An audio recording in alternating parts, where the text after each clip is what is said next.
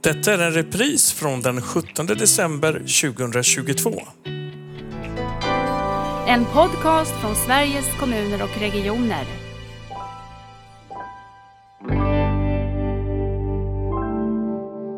Och då tänkte jag att nej, så ska inte jag bli utan jag vill bli bred.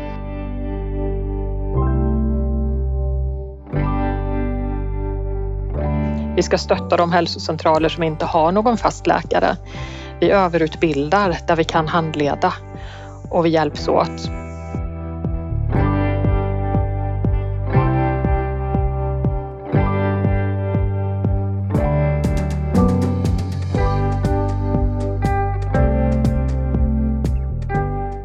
Veckans avsnitt av Nära vårdpodden så ska vi djupdyka i den viktiga frågan kring kompetensförsörjning i primärvården.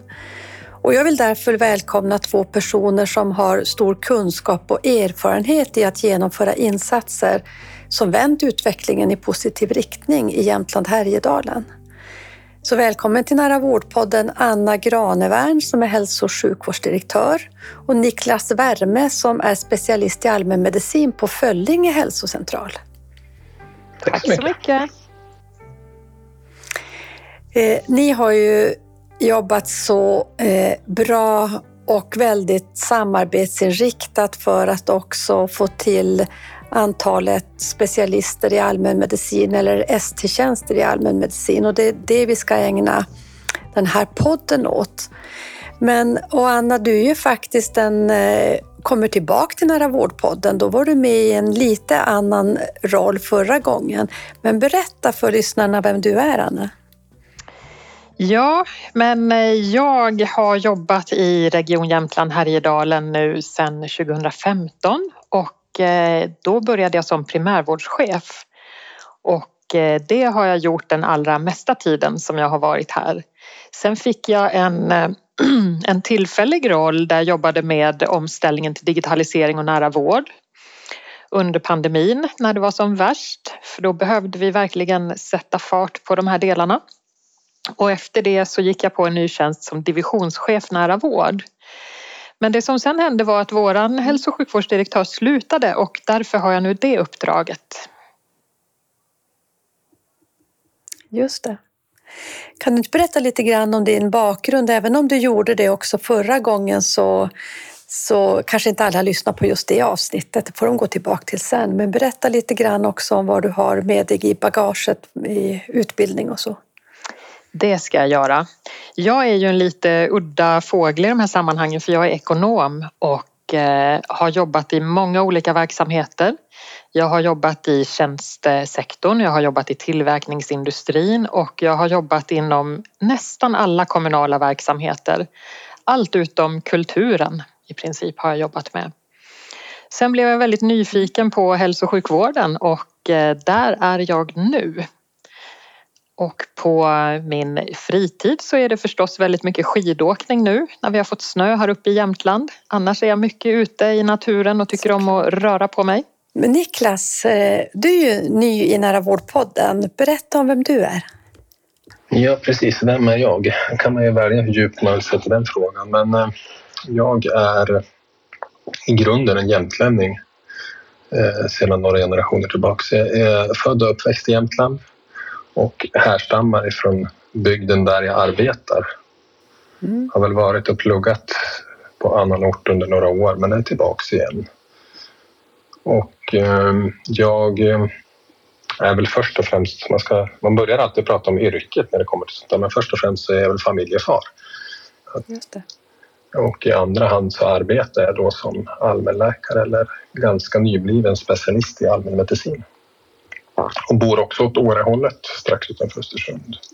Åt det mm. hållet där min arbetsplats är.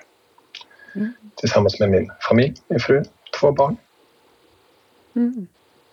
Är det skidåkning för dig också? Ja, man kan ju lätt tro det om man är jämtlänning. Ja. ja. Eh, visst, alla jämtlänningar, jag tänkte säga, de, de kan åka skidor. Så är det. Och vi gör det väl mer än gärna. Men jag är inte någon extrem skidåkare som tycker att det är det roligaste. Men friluftslivet och ute i naturen, precis som annat, det är väl självklart. Fiske är min stora hobby. Och jag fiskar lite mer än vad min fru anser är ett friskt beteende, kan man säga. Mm. Men hör du, har du sån här Jämtlandsflagga som hänger utanför huset också? Har man det om man är inbiten jämtlänning? Jag vet inte. Jag har inte det. Jag anser mig själv som inbiten jämtlänning men jag har faktiskt inte en sån flagga. Någon dag kanske mm. det blir. När jag har köpt min fina gård så får den mm. vaja i toppen. Jag kan säga att är, jag bor i radhus och i mitt radhusområde där bor det en jämtlänning och de har flaggan utanför radhuset. Eh, men jag har ingen aning om man måste vara inbiten jämtlänning för att ha det. Men... Det kanske är lättare att man vill skylta med det när man bor någon annanstans än i Jämtland. Ja, men precis så är det kanske. Eh, jag tänker lite grann om omställningen till, till nära vård. Anna, du sa ju lite grann om att du har haft uppdrag kring, kring nära vård, men säg lite mer om hur du tänker, vad du tänker kring nära vård och din eh, relation till nära vård. Ja, för oss här i Jämtland så är det ju en utmaning att få till den nära vården som vi tänker ska finnas nära människor, men på olika sätt eftersom vi har en väldigt stor geografi. Och det innebär att vi har hälso och sjukvård utspritt på många små enheter.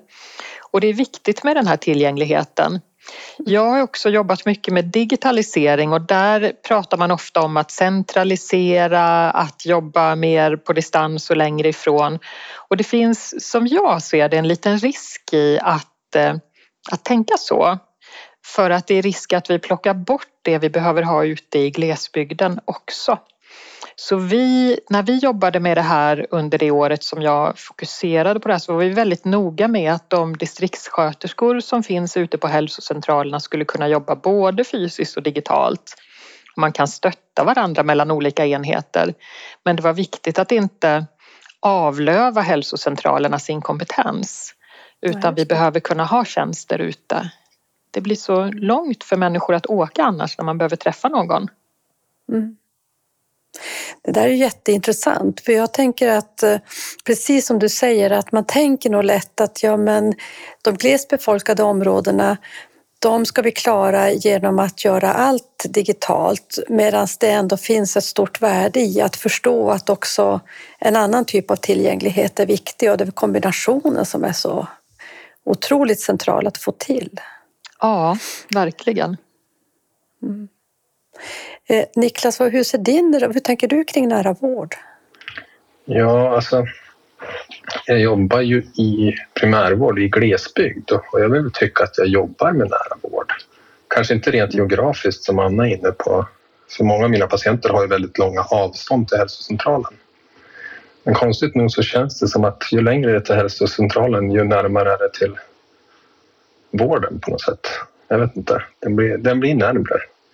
Sen har jag också blivit involverad i, via media och tv och de här och försökt att hänga med så gott det går. Men jag har ju två arbetsplatser som egentligen på många sätt liknar varandra på den punkten. Nära vård och jobba nära patienterna. Delvis så jobbar jag på min lilla hälsocentral i Föllinge och sen jobbar jag på något som heter Storsjögläntan också som är palliativ vård och mycket avancerad sjukvård i hemmet med mycket hembesök. Mm. Så jag, jag tänker nog rent praktiskt på det där med nära vård, att det behöver inte vara nära geografiskt utan det finns andra saker. Med relationell närhet tycker jag du beskriver. Ja, precis. Mm. Eh, jag, ja, på det sättet att jag känner mina patienter, jag känner deras anhöriga, jag känner vilka deras barn och föräldrar är. Jag har på något sätt en personlig anknytning till många av dem i alla fall. Mm. De behöver inte dra upp alla de här gamla besvären och krämporna för att jag vet.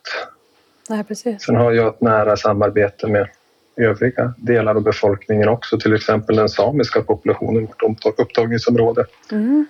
Jag tänker att inte bara avstånd, men i glesbygd vi är ganska få som jobbar och det gör ju att kontinuiteten också blir lättare. Just det. Kan ni följa det? Ser ni att ni har, när ni följer kontinuitet, att ni, att ni har en bra kontinuitet? Lyckas ni med det? Ja, men man kan ju följa det på så sätt. Jag kan beskriva lite grann om min lilla hälsocentral där jag jobbar, för då är det lättare att mm. förstå. Men vi, det är ju 1500 listade patienter på hälsocentralen. Och då är vi ju begränsat antal doktorer som arbetar där. Det är han som har varit min handledare som är ålderspensionär men jobbar kvar någon dag i veckan. Så det är jag och en ST-läkare till och så har det precis börjat en ST-läkare som jag handleder som är där ett par dagar i veckan. Mm. Eh, Och det blir ju att mycket av de patienter som vi har, de får ju komma tillbaka till samma person, samma doktor. Sköterskorna är det samma. Vi har inte haft stafetter i Föllinge på tio år minst, Okej. utan det är samma personer som man träffar. Och eh, de patienter som vi har, de väljer ju oftast hellre att vänta en dag eller två för att få träffa sin doktor, Just det. om det är så att det är möjligt. Så att eh, rent så här, från min synvinkel så ja, har vi en bra kontinuitet. Mm. Har du andra typer av kontakter också med dem? Är det alltid möten på hälsocentralen? Hur jobbar du med andra möten? Har du digitala möten med de här patienterna som, som har dig som Alltså, vi läkare? har ju möjligheten till Mm. digitala möten, det har vi. Men det är ganska få som tycker att, de flesta tycker att just den här kontakten med doktorn, att komma på plats är ganska intressant. Eh, Eller liksom, de, de sätter sig hellre i bilen, kliver upp tidigt på morgonen, duschar, åker de där 7-8 milen till hälsocentralen för att få träffa mig, Mm. än att ta det på distans. Mm. Mycket är väl för att vi har en ganska gammal population skulle jag säga. Det är inte ofta jag träffar en 90-talist med ont i halsen, om jag får raljera lite grann. Nej. Nu vet jag inte om det är för att det inte finns några 90-talister eller om de inte söker, men eh, mycket äldre som kanske inte är så datavana och vill hålla på med den typen av teknik, utan de vill träffa doktorn på plats. Mm. Sen försöker vi underlätta att träffa doktorn också. Så vi har ju till exempel mottagning. Idag så är han som har varit min handledare, han är ute i Rötviken, ett litet samhälle och har mottagning där idag för att komma närmre patienterna då rent geografiskt för att de ska lättare kunna komma Just det. till vården. Så ni blir mobila på det sättet att ni rör er också mot... Ja, Har ni servicepunkter då som ni kallar det? Man brukar kalla det servicepunkter i de här glesbygds... Är det en typ av servicepunkt eller? vi har en distriktssköterskemottagning i Rötviken där vi sitter Mm. när vi har mottagning där. Och sen så finns det två kooperativa boenden som vi far runt och rondar. Och sen far jag iväg två gånger per år och har mottagning, har min fjällmottagning Mm. när jag åker och går till fjälls och har mottagning på plats. Så vi försöker på de sätt som vi kan underlätta för det. Kan du inte bara också säga lite grann om den här palliativa verksamheten, hur den ser ut, hur den är organiserad? Jag tycker det lät viktigt och spännande att du hade ett sådant uppdrag också.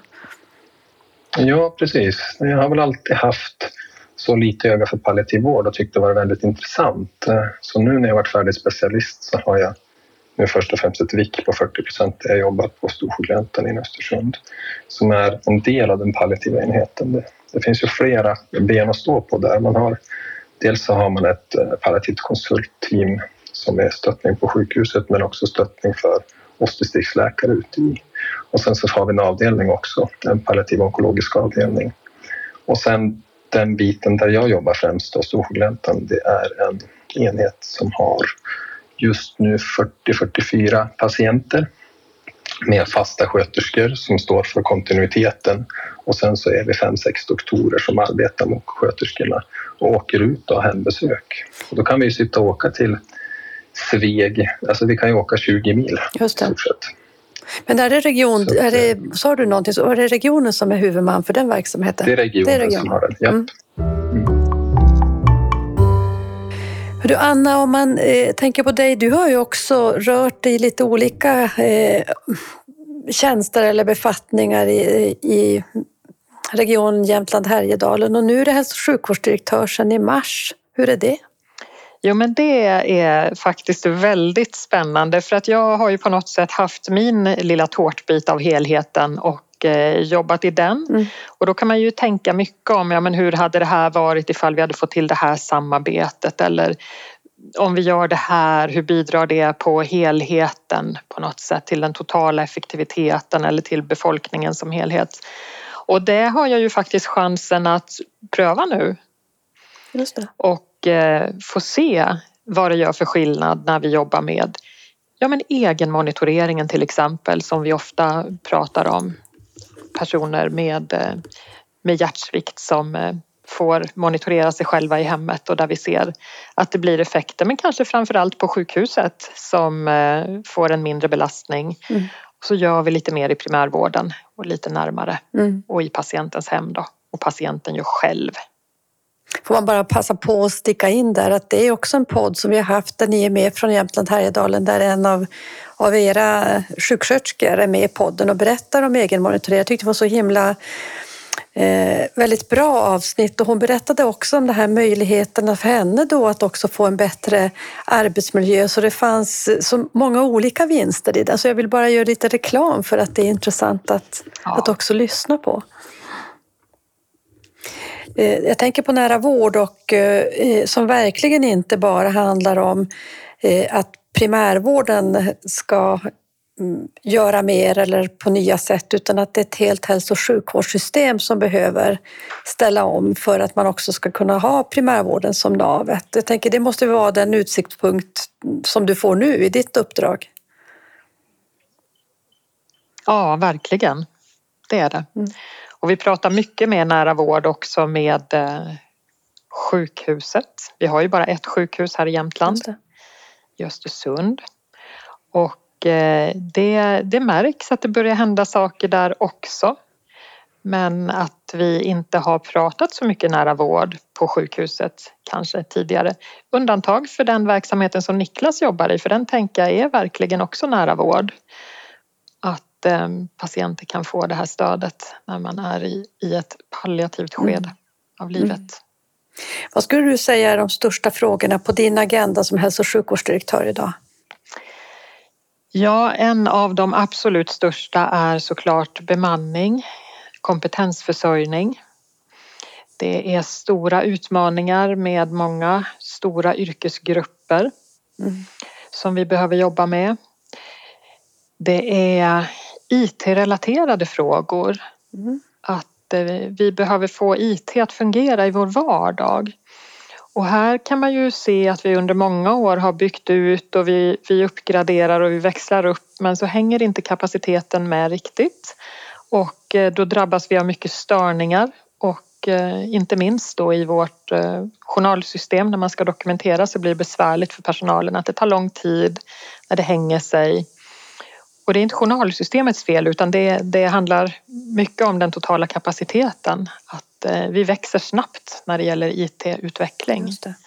Så det är en utmaning. Mm. I, vi har ju blickat, eller många blickar på er när det gäller just kompetensförsörjning. Jag tror man gör det av, av olika anledningar. Dels tänker man att ni eh, inte är ett län som eh, ett storstadslän utan verkligen på det sättet eh, Eh, har utmaningar, också ett norrlän och så. Eh, och ett stort fokus idag också i nära vårds eh, arbete är ju vår försörjning av, av allmänläkare i systemet. Vi är ju glada när vi tittar på siffrorna mellan 2019 och 2021 så ser vi att antalet ST i allmänmedicin har ökat med 11 procent om man tittar på, på Sverige i stort. Men bryter man ner och tittar på, på Jämtland Härjedalen så ser man också att ni också har lyckats med att ha flest allmänläkare per tusen invånare. Och eh, jag hade förmånen att lyssna på dig Anna när du fick berätta för hälso och sjukvårdsdirektörer och för också HR-direktörer i regionerna om hur ni jobbade med eh, att kunna vända utvecklingen och få fler ST-läkare och på sikt allmänläkare i primärvården. Så jag tänker att, eh, och jag vet också Niklas att du har varit väldigt involverad i det under din tid som ST-läkare. Så nu är vi nyfikna att höra om hur ni har gjort. Jag tänker Anna, börja berätta, hur startade det här att ni fick till ett sånt här bra arbete? Ja, bakgrunden i det här är att när jag kom som ny primärvårdschef till regionen så möttes jag av en hög med papper som låg på mitt skrivbord och eh, då kom min administrativa assistent Birgitta och berättade att de här ska du skriva på. Det här är hyrläkaravtalen. Det är bara att skriva på dem. Och det var jättemånga. Mm. Det var hur många som helst. Och jag undrade hur vi, ja men hur följer vi upp det här och hur, eh, hur vet vi att det stämmer? Det, det här är ju väldigt mycket att hålla reda på. Så det är ju en del i sig att vi har jobbat mycket med att, att få koll på det här för det visade sig att det inte alltid stämde. Ibland fick vi dubbla fakturor, ibland var det fel priser och annat för det, det var en sån volym och det var svårt att eh, ha koll på det. Men det största bekymret i det här det är ju såklart att vi saknade läkare. Mm. Och och eh, att jobba med så stor andel hyrläkare innebär att vi inte har så goda förutsättningar att ha någon god kontinuitet. Och det innebär också att det går väldigt mycket pengar till att bemanna. Pengar som vi istället hade kunnat lägga på andra saker. Och eh, där någonstans så gjorde vi ett avstamp. Vi kallade det för den stora distriktsläkarsatsningen när vi pratade om hur vi skulle göra. Vi la de här planerna och eh, det var jag, det var min eh, dåvarande medicinska rådgivare Olof Englund, distriktsläkare och Eh, Annika Sörensdotter som var vår HR-direktör i regionen då. Och tillsammans så satte vi upp några inriktningar vad det var vi behövde jobba med. Och det var ju framförallt att utbilda fler, för vi såg inte möjligheten till att kunna externrekrytera så många som vi fattades. Nej. Vi fattades mer än hälften utav de distriktsläkartjänster på den bemanningsgrund vi räknade då. Mm. Mer än hälften. Av dem skulle väldigt många snart gå i pension. Några hade passerat pensionsålder, fortsatte jobba ändå, precis som Niklas kollega fortsätter jobba i alla fall. Det är många som gör det idag också. Under den här tiden tror jag att den äldsta distriktsläkaren som jobbade hos oss var omkring 80 år. Och eh, nu kan jag inte svara för hur det ser ut idag. Det är möjligt att vi har någon som är uppåt den åldern idag också. Vi hade 26 ST-läkare och vi satte ett mål på 60. Idag är vi drygt 70 ST-läkare i allmänmedicin. Wow. När är det här i tid, Anna? När, vad är det för år? Det här är 2016 som vi påbörjade det här arbetet. Mm. Ja. Och Eh, att då klara av att utbilda så många ST-läkare och få till handledning, det är ju ingenting som en primärvårdsledning kan göra själv. Utan det här byggde på ett samarbete. Det byggde på att de specialister i allmänmedicin som jobbade hos oss också var med på att vi måste göra det här, det enda vägen framåt. Och eh, det gjorde de och det var det som var så fantastiskt i det här att vi gjorde det tillsammans. De satte upp handen och sa att vi ska handleda fler än en. Jag kan handleda två, vi kan handleda fler, vi hjälps åt, vi kan ha grupphandledning. Mm. Vi ska stötta de hälsocentraler som inte har någon fast läkare. Vi överutbildar där vi kan handleda och vi hjälps åt. Och då behöver ju vi som ledning också stötta alla de här läkarna som ställde upp på det här fantastiska sättet med att se till att det, det fanns förutsättningar för det. det. Och det var tufft att få till det. Det är tufft när man är eh, bemannad som vi var då och med hyrläkare som kommer och går och många som är nya och man ska försöka få det hela att fungera i alla fall. Så vi behövde göra en sak till för att det här skulle bli riktigt bra men det kom som först några år senare. Mm. Och det var att vi gjorde en utredning på våra läkares förutsättningar att kunna utföra sitt uppdrag. Där vi tittade på otroligt mycket statistik. Vårdbehovet hos befolkningen. Hur lång tid det tar att göra olika saker. Besöksmönster från personer som inte är listade på våra hälsocentraler. Mm hur ofta vår befolkning besöker akutmottagningen istället eller går inom eh, den specialiserade sjukvården. Hur stor täckningsgrad har vi på våra hälsocentraler? Och det visar sig att det skiljer sig väldigt mycket från Östersund som ligger på drygt 50 procent upp till att man ligger över 80-85, kanske närmare 90 procent när man är som längst ut i glesbygden. För då vill man ha sin vård där i större utsträckning där man bor mm. och det kan vara långt till hälsocentralen även om det är dit man åker. Det här resulterade i att vi fick ett annat bemanningstal. Vi konstaterade att som genomsnitt kan man som läkare i vår primärvård ha 1250 patienter. Och från de 1250 så drar vi av när man tar på sig sidouppdrag. Om man handleder flera ST-läkare, man har ett större handledaruppdrag, att man är eh, ansvarig för SÄBO till exempel, ett sidouppdrag eller att man jobbar med något inom kunskapsstyrningen som också man behöver avsätta tid för. MLA-uppdrag, MLU-uppdrag. Ja, det finns, finns många sidouppdrag och allt det här behöver vi ju också förstå att det tar tid för eh, läkarna.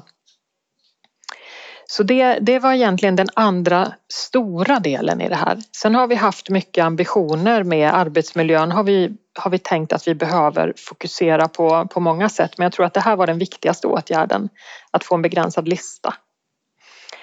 Och sen har vi också pratat mycket om fortbildning och det är väl det vi har kvar att på ett tydligare sätt också kunna satsa mer på fortbildning.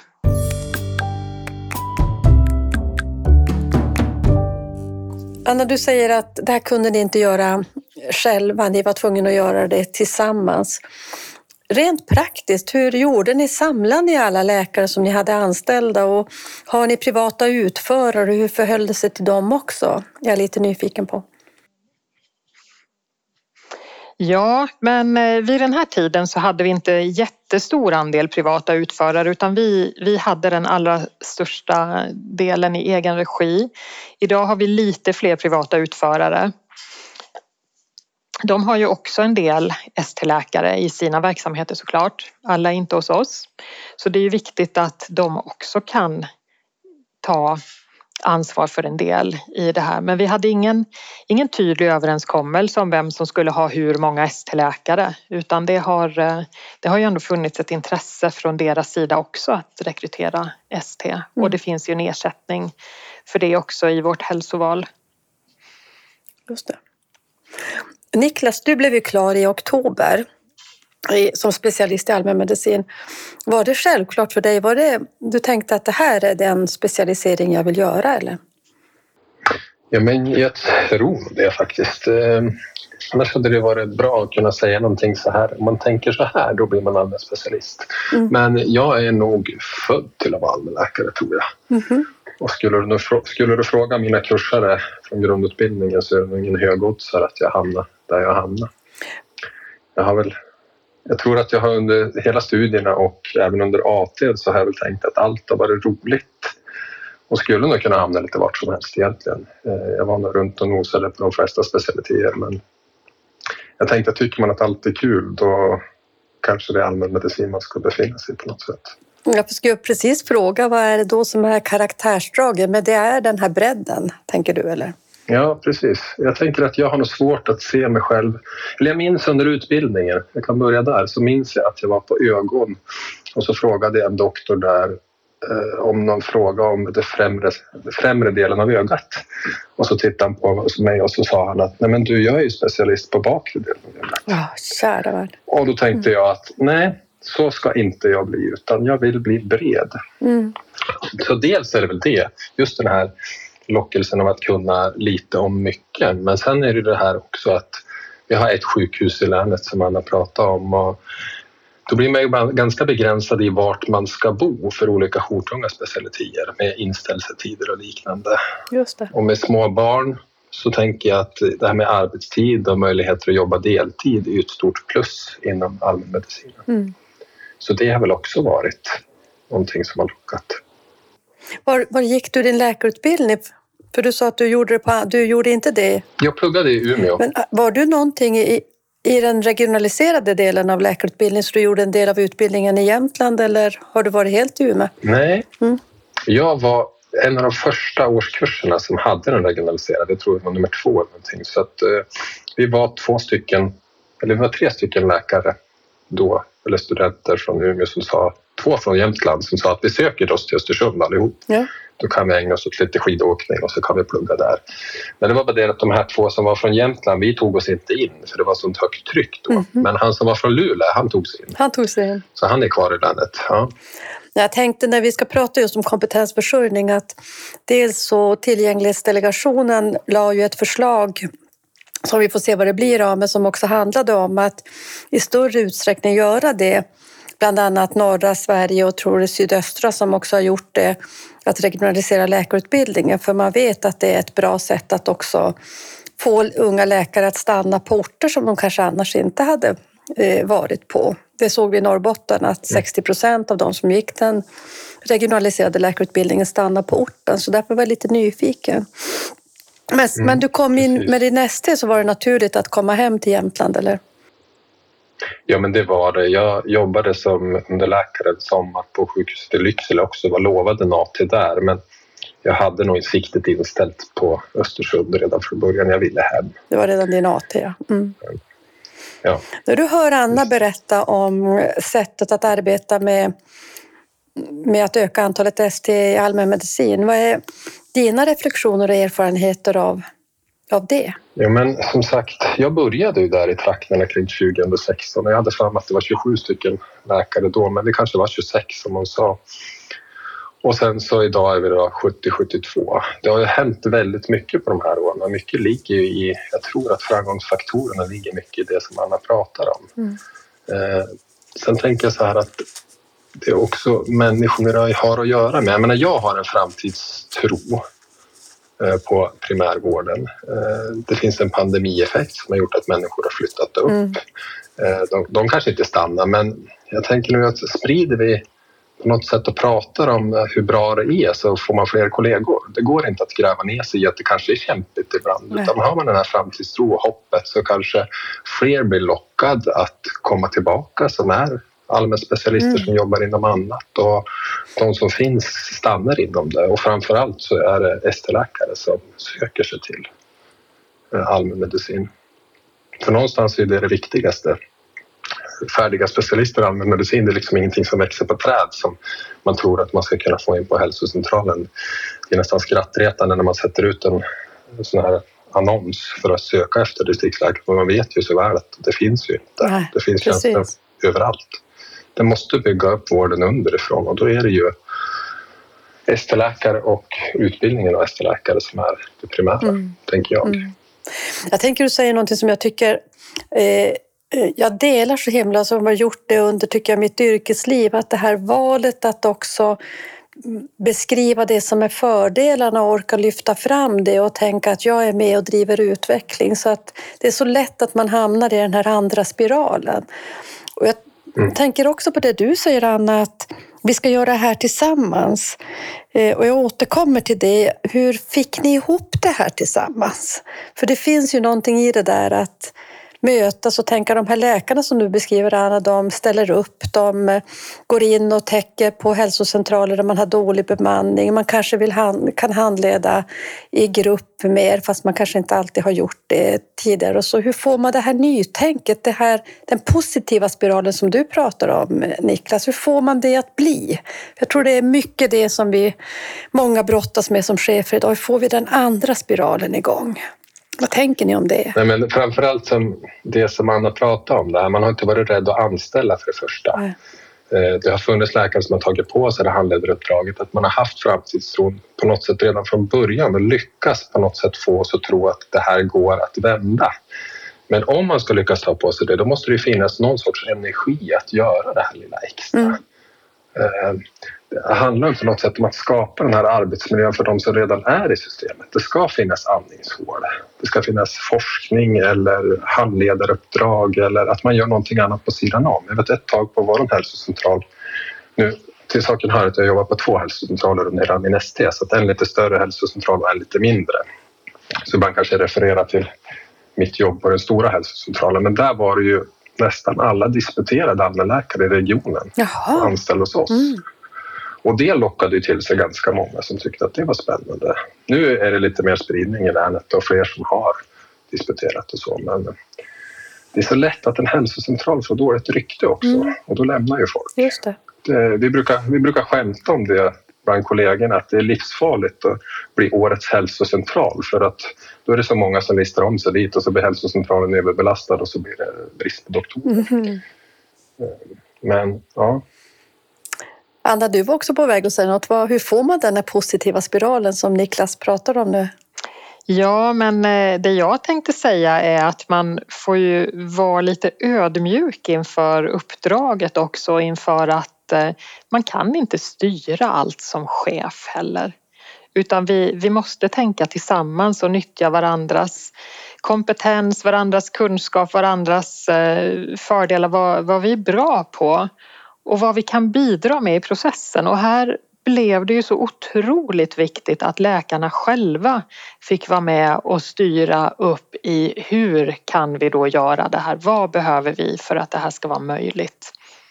Och hur många kan vi klara att mm. utbilda?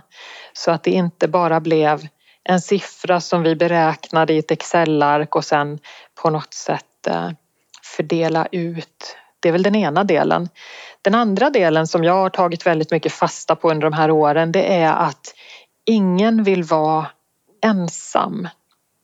Ingen vill vara den där enda läkaren på sin hälsocentral. Ingen vill vara den som kliver på själv först eller blir lämnad kvar sist. Mm. Utan man behöver vara tillräckligt många för att det inte ska bli sårbart. Det är en väldigt viktig del när det gäller arbetsmiljön att ha kollegor. Och eh, då får vi inte vara rädda för att vi kanske ibland överanställer men att vi gör uppdrag för någon annan hälsocentral också, kanske ronda någon annan SÄBO för att de har brist på resurser på sin mm. hälsocentral. Eller att vi tar på oss något mer övergripande uppdrag eller som i det här fallet att vi kan handleda fler på våran hälsocentral för vi har möjlighet att göra det. Vad är det mest innovativa i det här? Vad var det som blev det mest nya som man inte hade gjort innan? Det var en bra fråga. Men något som vi slet ganska mycket med det var det här med att kunna handleda på distans. Om vi fick göra det eller vi inte fick göra det och hur mm. vi skulle få till det. Men det som, som ändå till slut blev görligt byggde ju på någon slags eh, kombination av att ibland kom eh, handledaren då ut och var med sin ST-läkare och ibland kanske ST-läkaren var på ett annat ställe också. Men att i takt med att man kom längre i sin specialisttjänstgöring så kunde man också jobba mer och mer självständigt på sin hälsocentral. Men allt det här bygger ju på att det också går att få kontakt med handledaren eller någon annan kollega som man kan prata med. Så det, ja, det har väl varit en, en av de lite tuffa bitarna. Och, och det ni kom fram till när ni tittar på det här med att handleda på distans, det är att det, det är möjligt och tillåtet och man måste hitta ja. metoder för det. Ska jag ja. sammanfatta det så? Eller? Precis. Niklas, du berättade också att nu är du handledare för en ST-läkare. Eh, vad har du med dig som viktiga delar i det? Vad vill du med det? Ja, nej, men där är ytterligare förbättringsarbete som jag driver. Men nu vet jag inte om det ligger lite på is, men jag har handlat samma person ända sedan hon började sin AT. Mm. Vi hade en tanke och en idé, vi ST-läkare i regionen, att man skulle ha någonting som heter AT i primärvård. Där man skulle ha den inriktningen redan från början när man börjar sin AT. För annars är det här problemet att AT-läkarna går runt på sjukhuset och kommer ut sist i primärvården och då har man redan tagit sitt vick någonstans. Man har bestämt sig för att man ska börja på medicin eller ortopeden. Eller, och då funderade vi tillsammans, men hur ska man komma till bukt med det? Mm. Och då bestämde vi tillsammans med Eh, de i ledet ovanför att men kan man inte göra så helt enkelt så att man börjar sin AT och har inriktningen primärvård från början.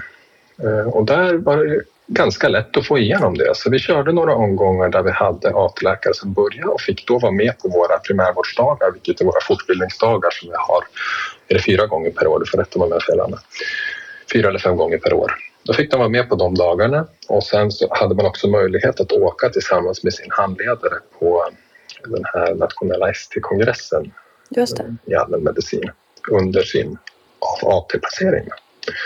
Vilket innebar att åtminstone hon som jag handleder idag som är färdig ST-läkare som varit klar och samtidigt som jag varit klar, så det bara fortsätter, så är det nog ett par till som har valt att börja sin ST i allmänmedicin. Mm. Så det, det var ett litet sidospår, men jag tänkte att det var ju ett bra tips som jag tycker att man kan sprida. Ja men verkligen. Vet vi om det är spritt någonstans? Gör man det på andra ställen eller? Vet inte. Vet du Anna? Nej, jag vet inte heller faktiskt. Men det här, är, det här är också ett jättebra exempel på hur vi jobbade tillsammans i de här frågorna. Att ta tillvara på de förslag som, eh, som kommer från läkarna själva. Mm, verkligen.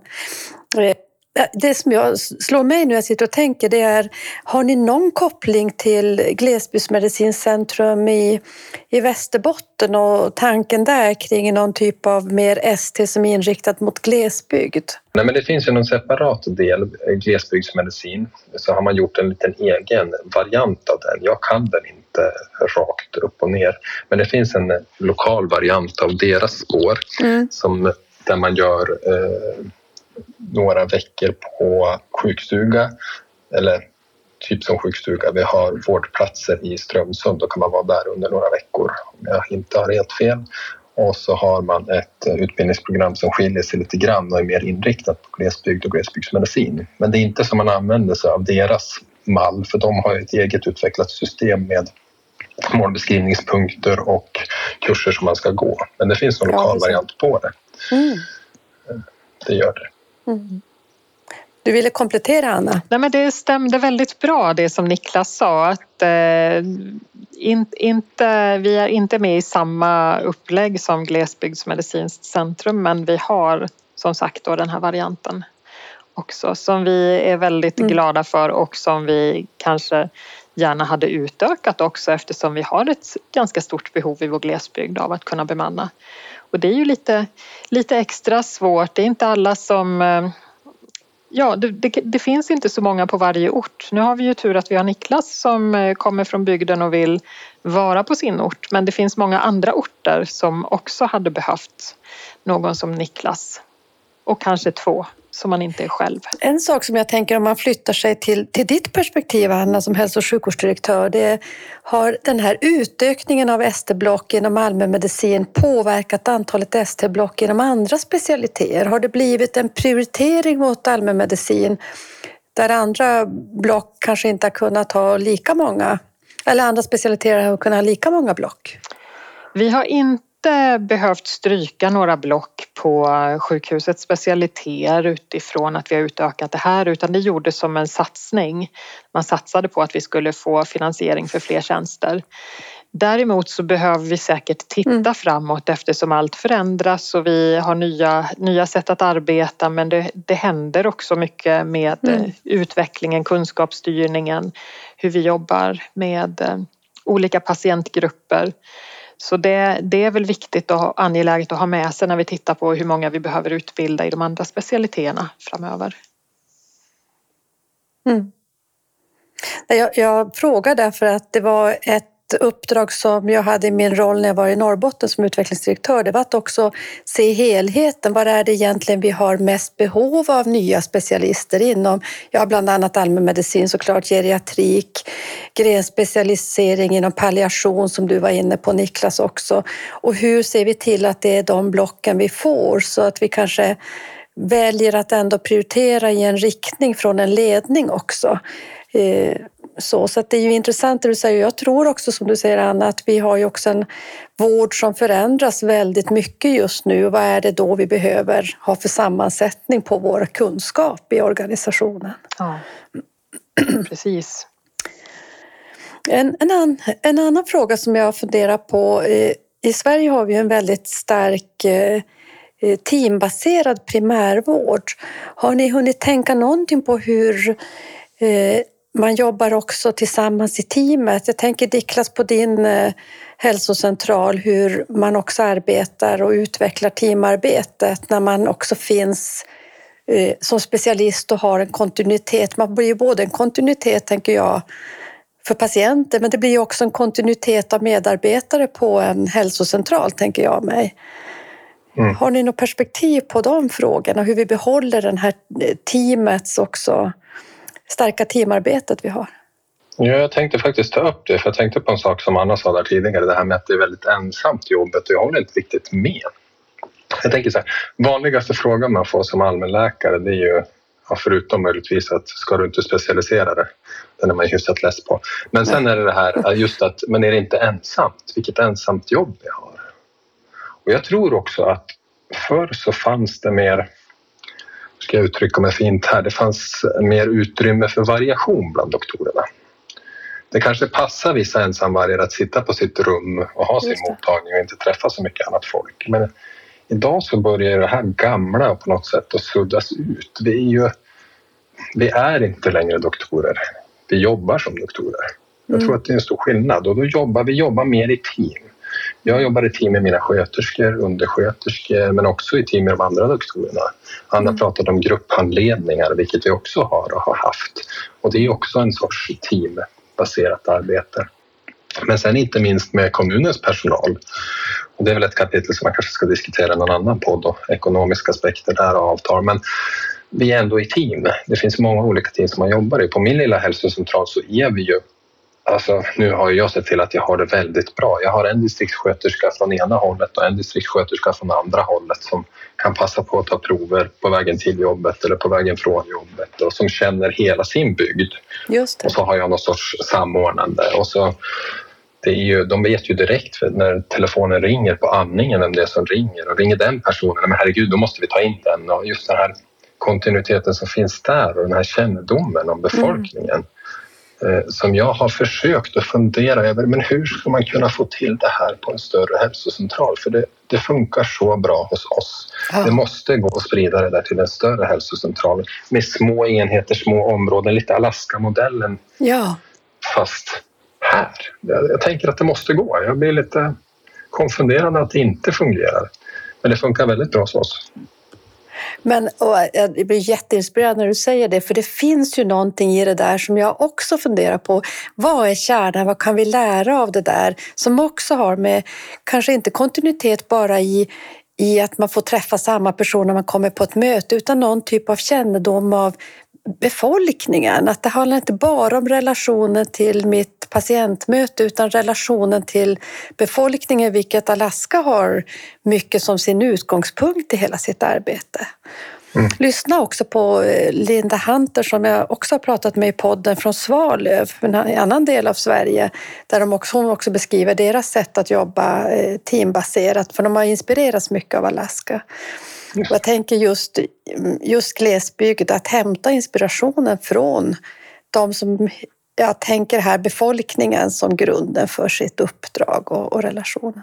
Anna, vad tänker du och andra yrkesgrupper och teamet? Och...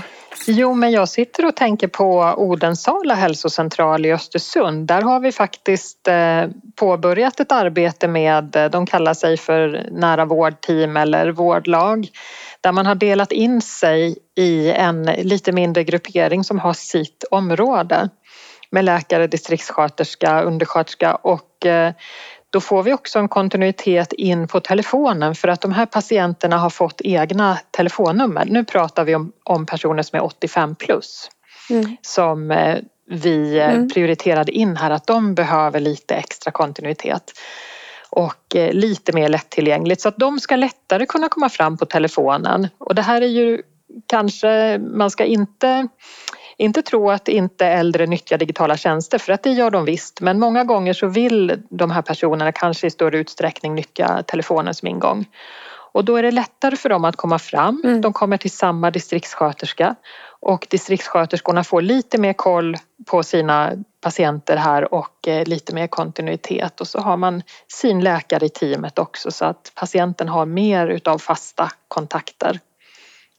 Och då kan man jobba lite mer mm. på det sättet även om det här är in, i en stad. Mm. Just det, det är en stad, en, Östersund, en, en ja. hälsocentral i, I Östersund. Östersund eller? Precis. Mm. Och Östersund mm. är såklart ingen stor stad mm. men för oss så är det ju, det är ju våran stad. Där bor hälften av vår befolkning här i mm. Jämtland. Absolut. Eh, om ni får blicka framåt nu, hur ser ni på framtiden? Vad, vad drömmer ni om och längtar efter och tror ni om? Anna? Börja du. Ja, men jag skulle ju verkligen önska mig att fler vill jobba i hälso och sjukvården. Sen förstår jag att vi inte kommer kunna jobba på samma sätt som vi har gjort tidigare. Vi kommer behöva klara oss med färre sjuksköterskor, färre personal totalt och då måste vi hitta andra sätt. Men jag önskar verkligen för befolkningens del att vi kan bemanna hälso och sjukvården på det sätt som vi kommer behöva göra framöver för att kunna ge en bra och god och säker och nära vård på alla sätt. Mm. Vad, vad är din framtidsbild och vision, Niklas? Ja, nu får man önska fritt, det är ju trevligt, men jag tänker att regionen, eller jag tänker ja, landet, man har börjat arbeta med primärvården. Eh, vi har haft mycket strul tidigare i regionen och det har ju resulterat i, precis som Anna sa, att man har sänkt antalet patienter per läkare. Och då har man ju på något sätt förstått vidden av uppdraget vi har. Eh, listade patienter, sidouppdrag, handledare. Alltså där har man ju gjort mycket bra saker. Eh, att inte vara rädd. Eh, att inte vara rädd för att anställa, det är alltid vab. Mm. Det är alltid andra saker som ska göras. Det behövs en överanställning som man också pratar om. Och räcker det, är det så att det om mot förmodan skulle finnas för mycket doktorer på plats en dag så finns det andra hälsocentraler där man kan hjälpa till och stötta upp och så har vi haft det. Vi har haft mycket doktorer i Krokom i perioder och då har de jobbat på andra hälsocentraler någon dag i veckan. Eller som vi gör nu, nu har vi en av våra doktorer i Föllinge som hjälper till och råddar diabetespatienterna på en annan hälsocentral som inte har några doktorer och kör dem på distans till mm. exempel. Att man får fortsätta göra sådana saker. Att vara med och forma sin vardag. Men har man specialintressen, låt pyssla med dem då. Se till forskning, att vi satsar på kompetensutveckling, att vi satsar på forskning. Eh, sen är ju det här som det ser ut i dagsläget och det är du också inne på att eh, det här med listade patienter per doktor, det är en jättefin tanke. Men i dagsläget så är vi inte tillräckligt många. Mm. Det ska vara realistiskt. 1250 listade patienter, ja men är det 5000 listade på en hälsocentral och vi är tre doktorer så är det fortfarande 1250 patienter kvar som vi ska på något sätt ta hand om. Mm. Och då måste vi ju se till att vi blir fler. Mm. Och som jag sa tidigare, färdiga läkare växer inte på träd utan det handlar om att utbilda läkare från grunden. Att det mm. finns bra hälsocentraler att göra sin ST på med bra handledare som får tid att göra det. Mm. Jag är säker på att man blir väldigt inspirerad. Jag tycker bara ert sätt att tänka mellan AT, AT eh, allmän allmänmedicin också var väldigt intressant, men också ert sätt att tänka handledning och att jobba för hela systemet på något sätt och inte enbart känna att jag finns här på min hälsocentral. Jag ställer också upp och, och vi hjälps åt. Jag tänkte när du pratar Niklas så känner jag någonting som jag har gått och funderat på. Det är stoltheten som en strategi framåt också i, i rekrytering och kompetensförsörjningsfrågor. Att, att känna stoltheten för det man gör, det gör ju någonting med oss människor och jag tycker jag känner det när jag möter dig. Att, att du, och även dig Anna, stoltheten av att ja, men vi fixar det här. Det här är svåra utmaningar, men tillsammans så kan vi göra någonting. Och, eh, eh, försöka ha den spiralen igång. Eh, jätteroligt att ni var med i Nära vårdpodden. Jag tänkte vi avslutar med våra Nära vårdpoddsfråga. Vad nära är för, för er? Vad är nära för dig Niklas? Ja, jag förstår jag med tanke på podden och vad det handlar om vad är ute efter. Men rent generellt så tänker jag att nära, det kan ju både vara känslomässigt och geografiskt känslan av att ha någon nära men också det här geografiska avståndet. Nära som är nära vård, det handlar mer om att man tar ett helhetsansvar, att man är tillgänglig och om kontinuitet. Mm. Tack. För dig Anna, vad är nära? Ja, men nära för mig det är nog att ha tillgång till den information jag behöver känner jag just nu i alla fall. Det varierar lite grann över tid och var man befinner sig i livet men jag tycker att det, det är väldigt bra att kunna gå in i, i sin journal via 1177 och kunna se vad som finns där med bokade tider och annat. Det tycker jag är en bra, bra utveckling. Sen skulle jag väl önska att eh, vi får till lite fler tjänster där. Jag har ju själv behöver jag ju gå och ta prover ganska ofta för att se att jag ligger rätt i mina värden och då är det jättesnyggt om jag kan se att det finns en labbremiss så att jag slipper hålla på och ringa och jaga och allt mm. sånt här som tar lite extra tid. Så Exakt.